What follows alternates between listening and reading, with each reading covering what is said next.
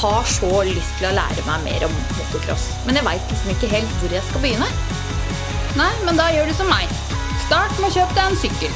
Ok, så enkelt. Nesten. Men det er jo det vi skal finne ut av her på MX-poden. Ja, jeg regner jo ikke med at vi skal bli verdensmester på én dag. Det er vel mye som skal på plass først. Helt riktig.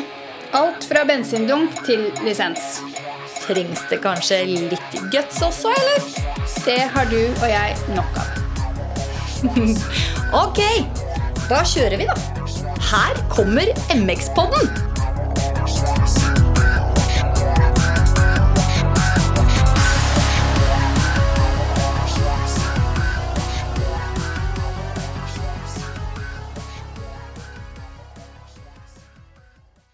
Vår neste gjest er et fyrverkeri av en dame og en sjelden energirik og inkluderende idrettsutøver.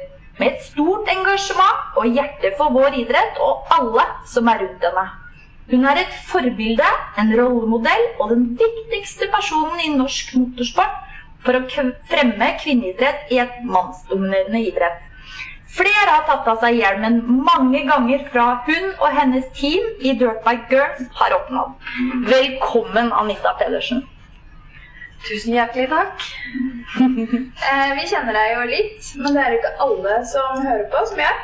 Eh, man kan ikke du fortelle deg oss litt om hvem Anita er? Ja, det kan jeg gjøre.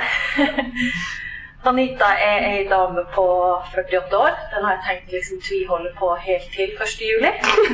For nå syns jeg at eh, det der nummeret begynner å bli litt høyt, så ja. Så sånn er det. Det var ikke noe dumt idé. Kommer fra Alta, der jeg er født og oppvokst eh, med mamma og pappa og to søsken. Jeg har alltid vært veldig aktiv av meg, også i forhold til resten av familien og mine søstre, så er det jeg som har eh, gjort veldig mye rart. Fotball, håndball, hadde fryktelig lyst til å starte på ishockey og en del ting som ikke fantes oppe i Alta.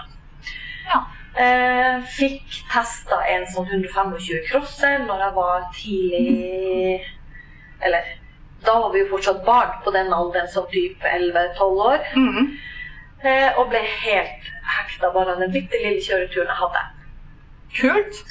Hadde superlyst til å begynne å kjøre cross, men eh, det ble ikke sånn, for det hadde ikke mamma og pappa mulighet til å la meg gjøre. Nei. Så um, derfor har jeg kanskje realisert denne drømmen da i voksen alder og bare tatt den loddrett ut fra den dagen jeg skjønte at her har jeg bare lyst, så sinnssykt lyst til å jobbe med. Mhm. Eller så har jeg jeg er jo mamma.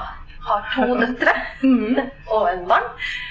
Eh, jobber som daglig leder på SATS. Jeg har jo fryktelig mange hatter og veldig høyt aktivitetsnivå og fryktelig mye å gjøre. Mm. Så jeg vet ikke om det er noe mer å si. Eh, vi har jo erfart at du blir jo veldig engasjert når det handler om noe som står hjertet ditt eh, nært i flere settinger. Eh, men gjelder det også den offentlige Anita? Den som på en måte er Dirtbike Girls eh, og ja, den offentlige Anita?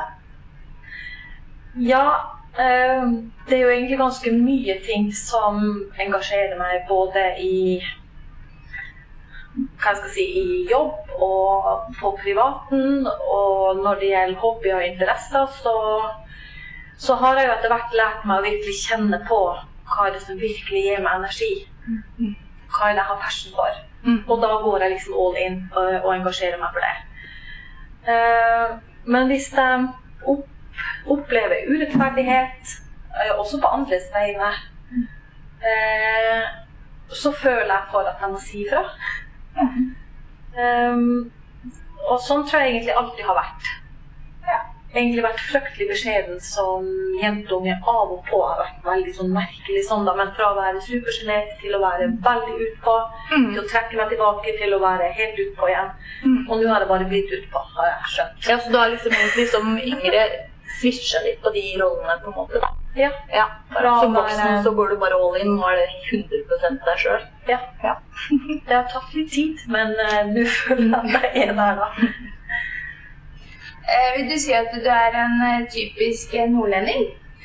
Eh, nei, det har jeg fått høre mange ganger at det er jeg ikke. Ehm, fordi, og særlig da i jobbsammenheng, Mm. så kan jeg være, og har vært også i privatsammenheng, den som sitter eh, tilbake og lytter. Og trenger, eller har trengt meg tid til å bli kjent med folk før jeg tør å by på meg sjøl. Men når jeg er der, da kan jo alskens rare ting skje. Når, når jeg liksom føler at her er trygg, så da kommer veldig en ordentlig Anita ut. Men jeg har fått høre veldig mye opp igjennom at når du sånn stille, beskjeden, kanskje vært betegna som litt kjedelig faktisk også eh, i ungdomstida. Mm. Så Mm. yes. Eh, motocross, det er jo det vi skal prate om her i dag. Eh, og du har jo erfart masse, du har sikkert opplevd masse som handler om motocross, men har det tatt deg på utsida Norges grenser? Det har det i aller høyeste grad. Eh, det har tatt meg hele veien til USA. To ganger. Eh, og pga. mitt engasjement og på en måte jeg har vært veldig på i sosiale medier, så ble jeg kontakta av MX Heaven i California. Eh, ble spurt om jeg kunne tenke meg å ta turen dit eh, og kjøre World Wet Championship der borte.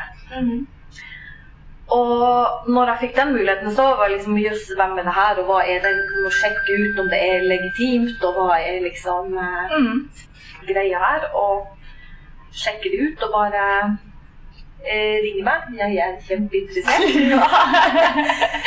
Avklarte hjemme med mann og sa at det her er jo en mulighet som jeg bare må hoppe på. Det er ikke noe jeg kan la gå ifra meg.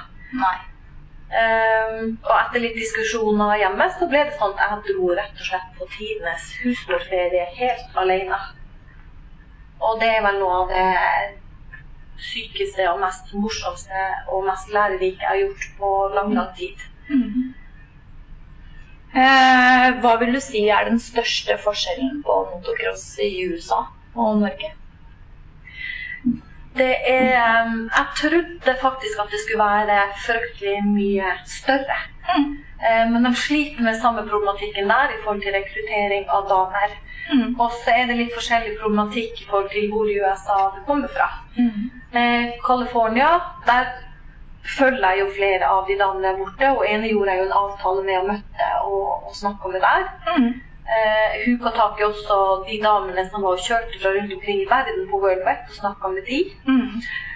Og i California så var det litt mer sånn at hvis du spør om hjelp, ja, så hopper mannfolkene på og skal hjelpe deg, men da skal de ha noe i retur. Så det er liksom ikke Ja. Og det var det hun sa. eh, At der måtte liksom velge litt med omhu hvem du omgikk med. Da. Så hun har fått seg gode venner der nå som hun kjører med. Eh, Men sånn var det ikke i andre deler igjen. Så det var forskjellen.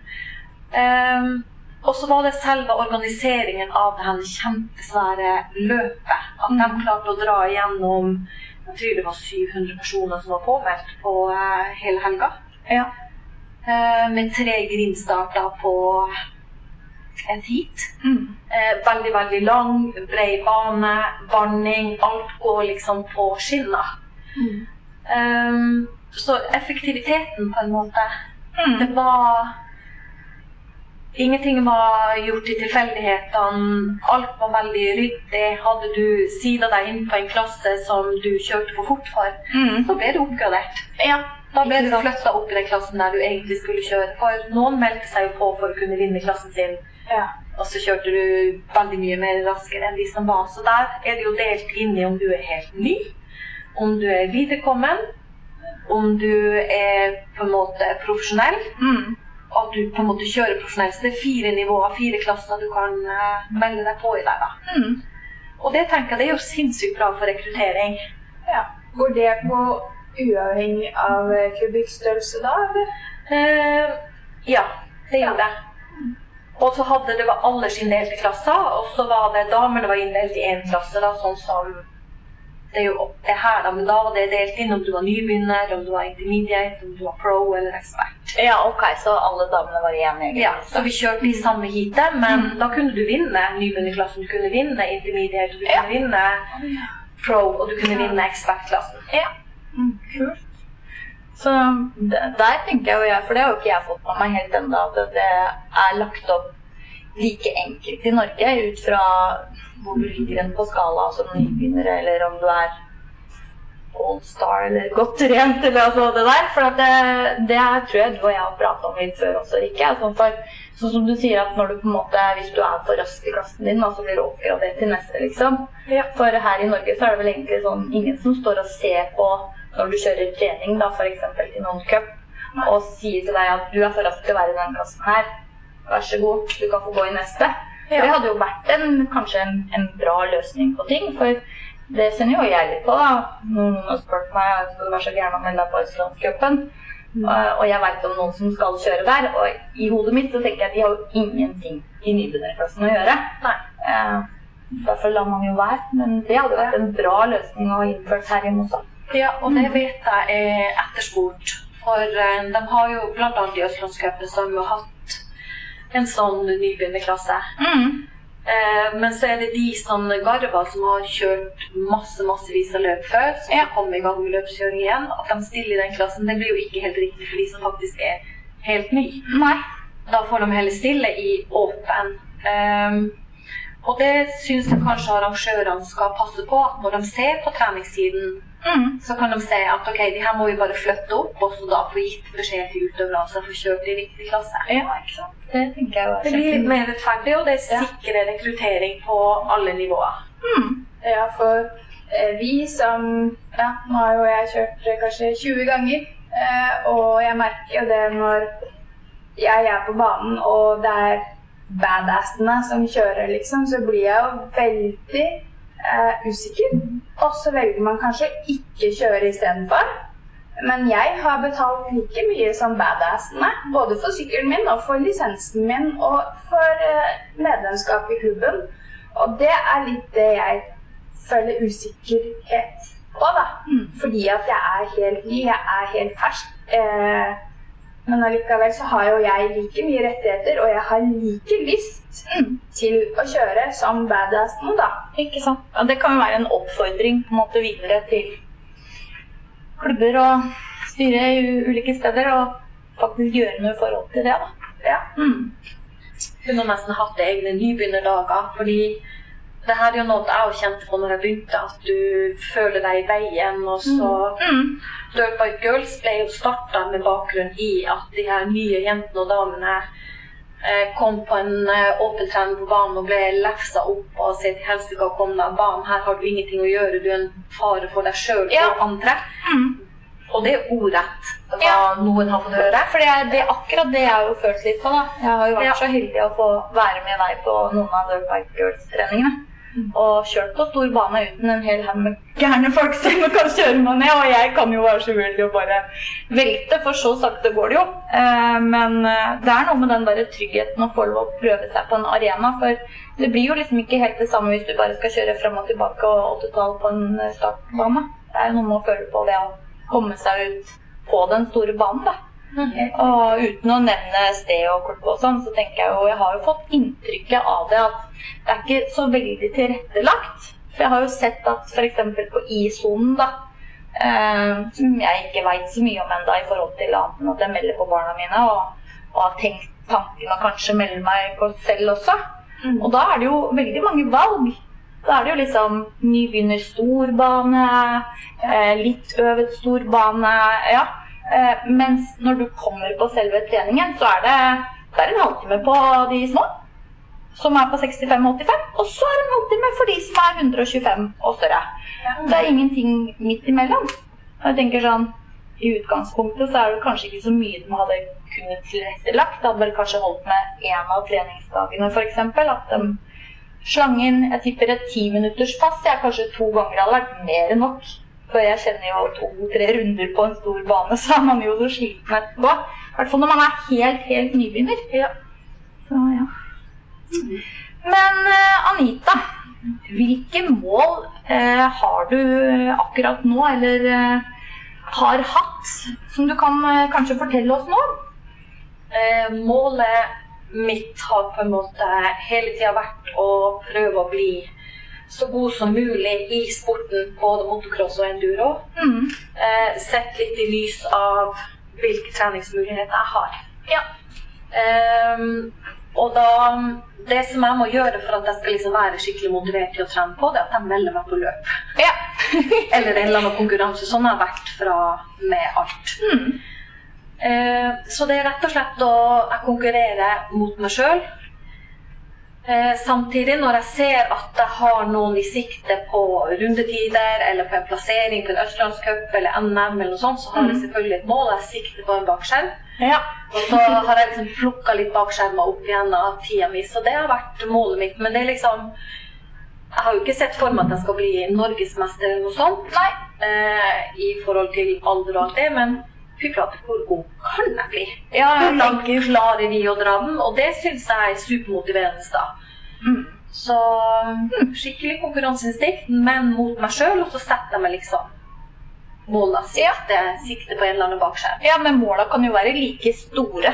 Selv om du på en måte sier at du har ikke et mål om å bli norgesmester, så kan det bety like mye for deg. Ja. Mm. Og det er jo bare når jeg da har nådd La oss si den bakskjermen, skjermen ser det ut som jeg, en seier for meg sjøl, og liksom Så setter jeg et nytt mål. Mm. Så det er en eh, bra måte å gjøre ting på. Men eh, episoden i dag den skal jo egentlig i utgangspunktet handle mest om det her med rekruttering. Glede, samhold, mestring og frihet. Eh, og da kommer jeg jo litt sånn i forhold til spørsmålene til eh, hovedtemaet, og da vil jeg jo si det at de fleste teamlederne som vi har truffet til nå, da, har jo fokus på resultater, disiplin, økonomi. Mens du i stort sett driver dugnad økonomisk og fokuserer på samhold, mestring, glede og frihet. Hvorfor tenker du så annerledes enn alle andre? Det har vel litt med at jeg kom inn i det her så seint sjøl. Mm. Eh, og fant en sport som bare gir meg så sinnssykt mye glede og mestring. Og ikke minst eh, til å koble av. Så for meg er jo motocross og enduro rekreasjon Mm. i en fryktelig travel hverdag. Når jeg tar på meg hjelmen, Mm. så kan jeg, da er jeg ikke tilgjengelig på telefon eller mail eller noe. Um, og at det tok lang tid før jeg så at men shit, det her kan jo være en, en idrett for meg også. Mm. Og da for mange andre òg. Eh, om man ikke skal bli norgesmester eller noe sånt, men herregud, for en bra sport å drive med. Mm. Um, og da Det er jo bare plass til tre stykker på en hall. Ja. Men hvem er det som egentlig driver sporten frem, da? Ja. Det er jo på en måte alle andre Det er jo ikke eliten. Nei. Du må ha en bredde for å få en elite, og eliten er jo der for å motivere bredden. Man er litt avhengig av hverandre. Ja. Um, og da, med Dirtbike Girl, så skulle vi lage en arena. Det var meg og Sandra Norum som snakka mye om det her. Mm. Uh, så at her, eh, her må vi rett og slett gjøre noe. At vi får være pådrivere for å få tilrettelagt. Mm. For at det her er en sport for absolutt alle, uansett ambisjoner og nivå. Mm. Du må kunne få være så ny som du bare vil. Få mulighet til å teste ut sporten og sjekke ut om det er noe for deg. Mm. For håndball, fotball, alle de her lagidrettene som er ute, det er ikke for alle. Nei. Det finnes fryktelig mye annet der ute, og motorsporten er helt genialt i forhold til å få føle på mestring. Uansett hvor ny du er, uansett hvor erfaren du er, så har du alltid noe å strekke deg etter og lære deg etter. Mm. Og du går såpass langt utafor komfortsonen bare med å sette deg på et kjøretøy med de her kreftene og kjenne at du mestrer det. Den her gåsehud, mestringsfølelsen, adrenalinrushet, den finner du ikke så mange andre plasser. Ja, det kan jeg skrive under på. Ja. Og så har jeg tenkt, hvis jeg var en mamma da som hadde to små utøvere som sto på sidelinja, så vet jeg at jeg stått der, hadde klødd i hele kroppen for å få lov til å prøve det her. Og da må vi legge til rette for at alle mammaene der ute skal få lov til å teste det. Mm. Og alle søsknene til de brødrene som er ute og kjører, som ofte da blir prioritert. Mm. har sett at jentene blir satt litt i andre rekke, og mange har fortalt meg det. ok? Da må vi prøve å tilrettelegge for at også de skal få kjøre. Ja. Det skal være lav terskel. Du skal ikke ha behov for en flunkende sykkel og det tøffeste og beste utstyret for å kunne drive med denne sporten. Det koster mye penger, ja. men det gir så mye glede, og det burde alle få en mulighet til å prøve. Ikke sant. Så derfor er det blitt fokuset. Mm. Eh, de som også på en måte har kjørt aktiv motocross, de ønsker vi også å beholde i sporten. At ikke de bare blir borte Mm. når de slutter å satse. At de må se at dette er en idrett de kan drive med for mosjon, for å holde seg i form. Og kanskje få bidra og motivert og, og støtta opp om andre utøvere. Mm. Og da må vi på en måte lage en arena for dem også. Mm. Så det er vel bakgrunnen. Ikke sant. For du har vel eh, dratt med deg sånn som Andrine Ja. Bostad. Eh, er jo ikke lenger aktiv motocrossfører. Eh, satser mer og mer på enduro. Men eh, hun har du jo fortsatt med deg Ja. på, som teamleder. Ja. Har du ikke det? ja, absolutt. Og det er en kjemperessurs. Mm. Eh, og for de jentene som har lyst til å satse mer, så vet jo Antrine hva det vil si. Hun kan være en støtte for alle de. Mm. Og nå har vi også ambassadører som Vilde Marie Holt, som er en som ambassadør for Dirt Bike Girl, som da er nede i Portugal på veldig veldig høyt nivå, som vi også kan trekke inn som en sånn ressurs, og som er, er som supermotivator og inspirator da, for de, minste som kanskje har noen mål frem i tiden. Ikke sant. Eh, forbilder å, å se etter. Jeg har også Embla som teamleder. Jeg har jo masse jenter, og vi har noen på Vestlandet også. Og det er liksom for å, å kunne være der og være en støtteperson som andre utøvere kan snakke med. Eh, Være hvis det- forbilder. Ja. Ehm, kan du fortelle litt eh, hvorfor du som eh, teamleder har valgt akkurat ordet mestring, glede, samhold og frihet som fokuset ditt til? Eh, Det er verdier som jeg og Sandra utarbeider. Det var viktig for oss å, å sette, sette ned verdier. Blant annet fordi at man hørte mye rart rundt på banene. Ja. Og du følte deg ikke helt velkommen og sånt. nå. Og da har vi lagt de verdiene til grunn. For at du, om du vil være med i Dirt så ønsker vi at du skal etterleve de verdiene. Og denne mestringsfølelsen er alfa og omega. Det er på en måte en verdi jeg trekker frem når vi kjører camper, at alle skal føle mestring. For den gleden og den godfølelsen du får, og du bygger selvfølelse eh, sjøl på den, er så himla viktig. Ja. Um, så derfor er den satt der. Og så er det det her med gleden du kjenner på når det bobler. Og når jeg står der, og oftest har jeg jo de aller minste, når du ser det glitre i øynene når du har fått til noe, Ja. det er priceless. Det er, det er min lønn når jeg får til det. Når jeg har um, stått på en bane på Gulltvedt, det har høljeregna, det er en meter dype spor, nå tar jeg litt i da. Men så skal de små jentene på 65, 50 og 65 rundt denne banen bare Hvorfor tør ikke? Jeg får ikke til en sånn. Så står vi liksom og pusher jentene. Skal være med deg hele veien, og du får med Embla og de andre teamjentene til å ta tak i hver sjåfør. Det her klarer du, jeg vet det. Ja. Jeg skal jobbe etter deg hele banen rundt. Jeg skal hjelpe deg, skal dytte deg, skal løfte deg opp. Eh, og de tryner, og du ser dem grine inn i hjelpen. Nå er det der det må liksom. Kom igjen, du får det til. Og du, når du får dem over den mållinja der, da er det sånn her gåsehud, og du ser ungene bare Det glitrer. Ja. Ja, det, jo- det er jo det som er min lønn. Du begynner nesten å grine. Ja, jeg får det det sjøl, jeg. så Liksom, ja. Eh, men det er det er rett og slett det som er der. Og det er samholdet, at du ser de andre jentene støtte og bunner og er der på. Det ser vi også på campene. Ja. Vi har sett på camper hvor eh, voksne damer utfordrer seg sjøl og tør å kjøre en bratt bakke, og så står de på 65. Herregud, så bra jobba! Ja. Du får det til, vet du. Se, altså, Ja. altså, det er jo det der eh, samspillet. Når du får det til, da vet jeg at nå har du lyktes, Anita. Mm. Det, og det er jo liksom hele grunnen. Det er samholdet. ja. De opplevelsene du da sitter igjen med etter en sånn type camp, det er jo det som gjør at du får lyst til å fortsette sjøl. Selvfølgelig. eh, og du ser verdien av det, og du har lyst til å gi det videre. Mm. Så Og det kan vi jo skrive under på at det har du klart.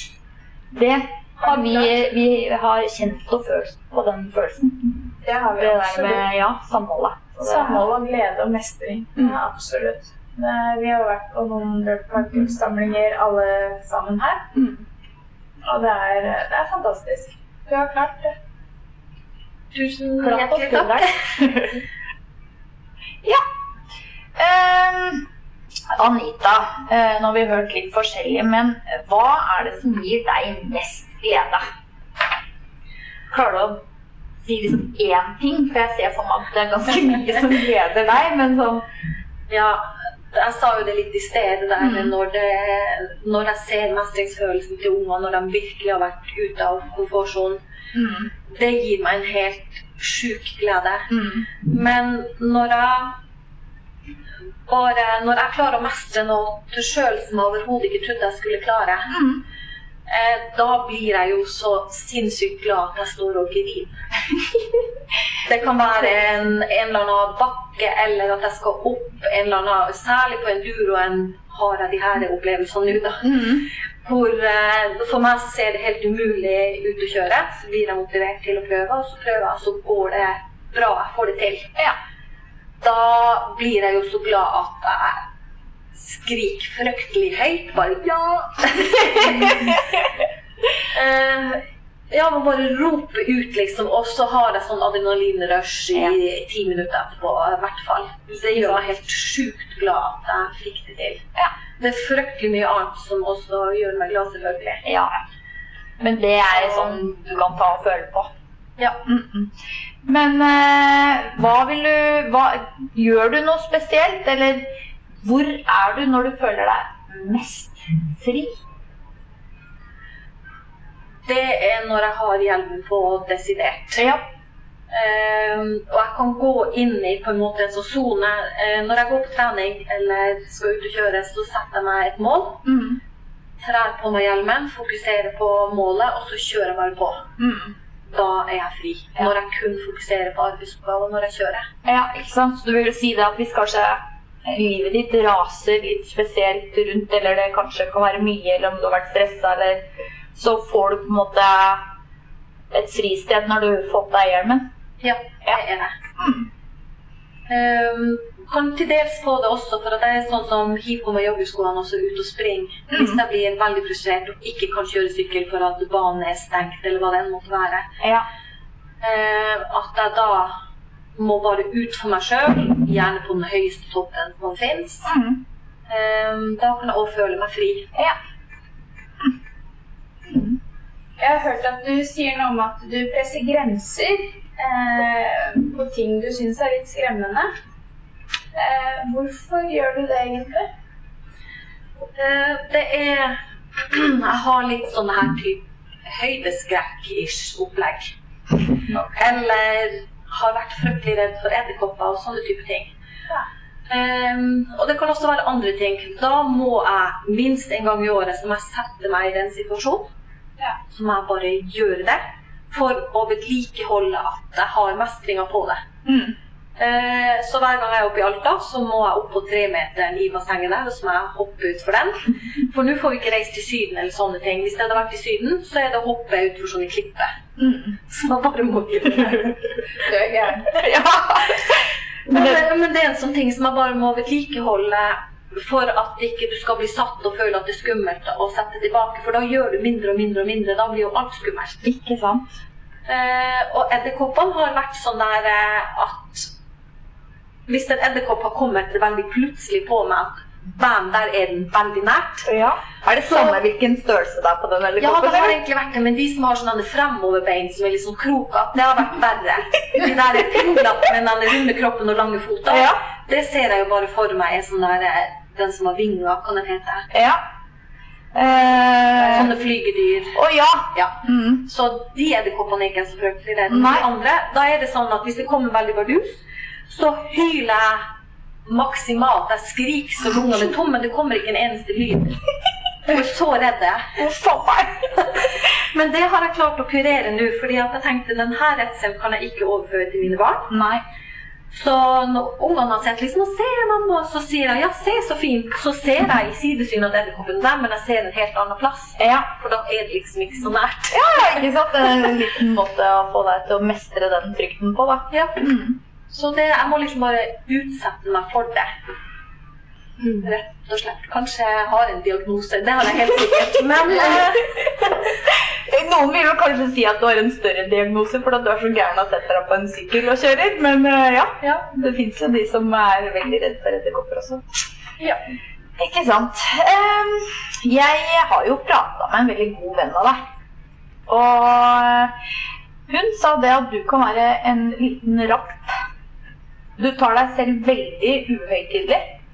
eh, Og at du er både raus og morsom. Altså Det at du er raus og morsom, det veit vi jo allerede de lille gangene vi har sett deg. Men eh, har du kanskje en god historie å fortelle fra en av dine mest spontane sprell? Eh, jeg har vel mye Altså sånn spontane historier som, som kanskje blir litt morsomme. Jeg kan fortelle, jeg kan dele med en hvor det hender jo at ikke jeg tenker nøye nok igjennom ting og bare hopper på. Det her er liksom motocross-relatert. Men uh, litt lang historie hvis dere kan bære over det. We bear with you. Vi skulle ha et sånt her eh, arrangement på Lunder for en bedrift. Og da måtte vi låne med oss noen sykler fra andre utøvere i teamet.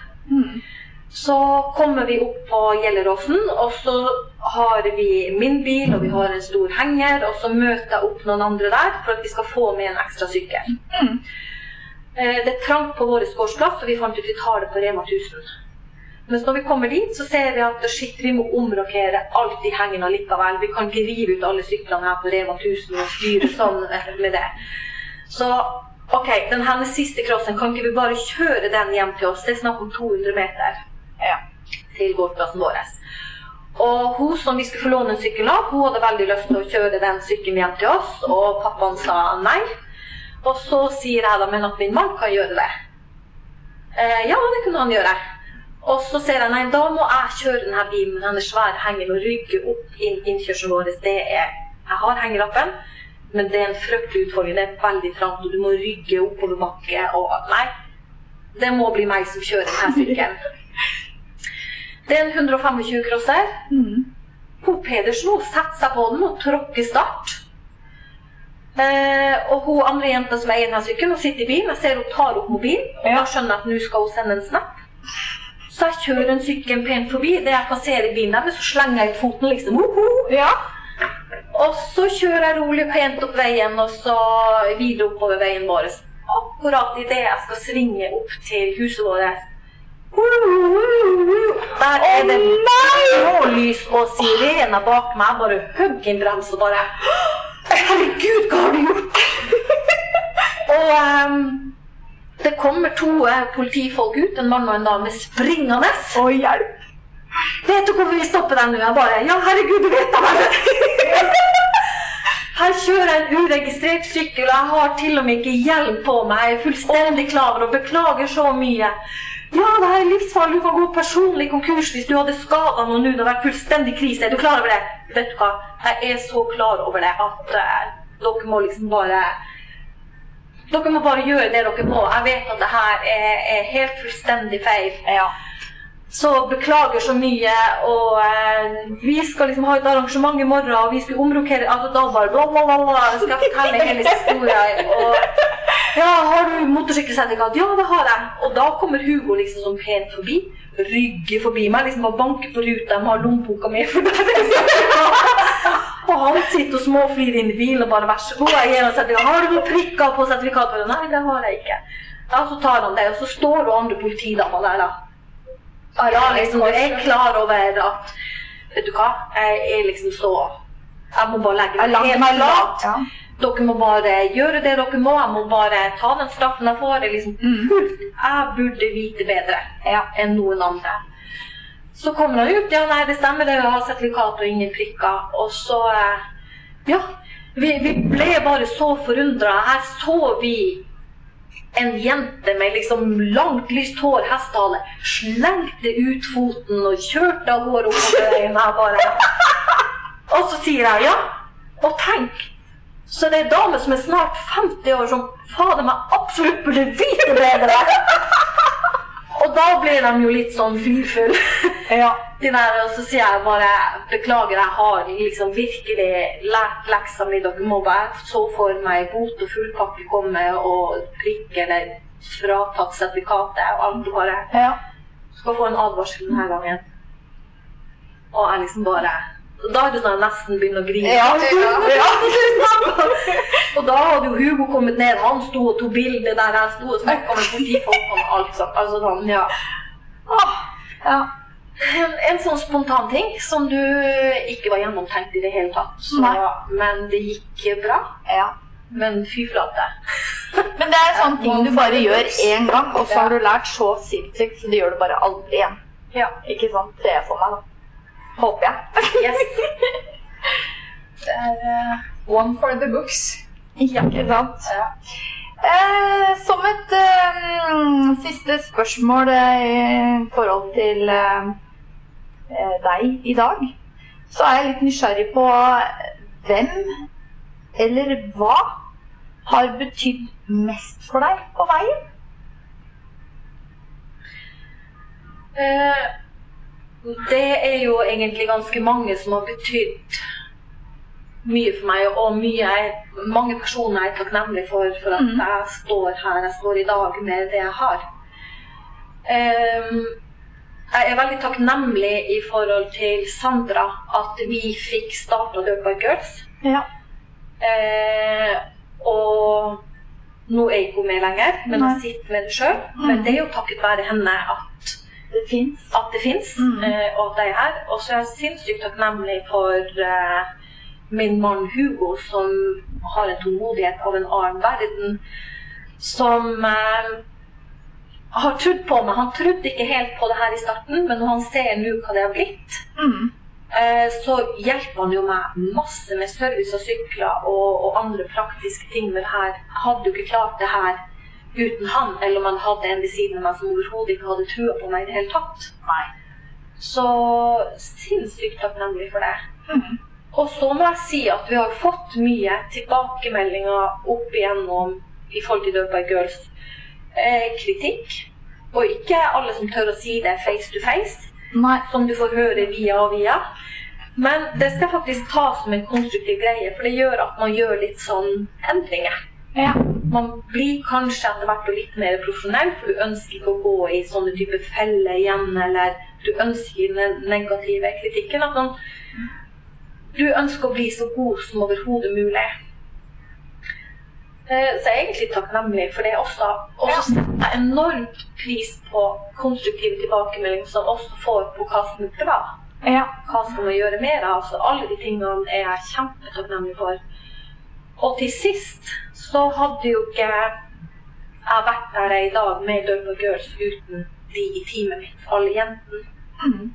Eh, og alle de som vil være med, de er jo med på å gjøre Dirt Girls til det de er. Teamlederne mine, Andrine som står på. Mm. Eh, altså, det er en pakke. Ikke sant. Det er ikke noe man gjør alene, det er en pakke. Eh, og alle de folka har med meg da, det er jo helt eh, vilt bra. Mm. Så må jeg få lov til å si en ting til som jeg kjenner veldig på. For at eh, det koker jo. Det er fryktelig mye å gjøre. Og det gjør at jeg ofte, når jeg har, har en oppgave, så rekker jeg nesten ikke å leve helt i nuet med den oppgaven. Nei. Jeg Jeg tenker ja, for jeg- fram. Ja. Mm. Og det må jeg på en måte jobbe med. Mm. Og da gjør det at jeg lover noen ting, og så klarer ikke jeg å holde det, for jeg er videre på neste oppgave allerede, at jeg glemmer det. Mm. Og det gjør fysisk vondt i kroppen når jeg oppdager når jeg har gjort sånne ting. Ja, det kan jeg jo forstå. Ja. Mhm. Og det er Så der er noen personer jeg må liksom virkelig be om unnskyld til. For at jeg da liksom har sagt jeg skal gjøre noe, og så glemmer det. Og det hender. Og jeg ønsker ikke å være der, men av og til så havner jeg der. Det er jo en del av å være menneskelig, tenker jeg, da.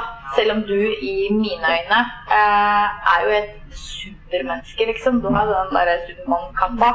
Men jeg må jo si eh, det lille jeg har sett av deg, og måten jeg har blitt kjent med deg på, så må jo jeg si at det er Altså, jeg er eh, blåst over ende eh, over alle hattene du har på deg.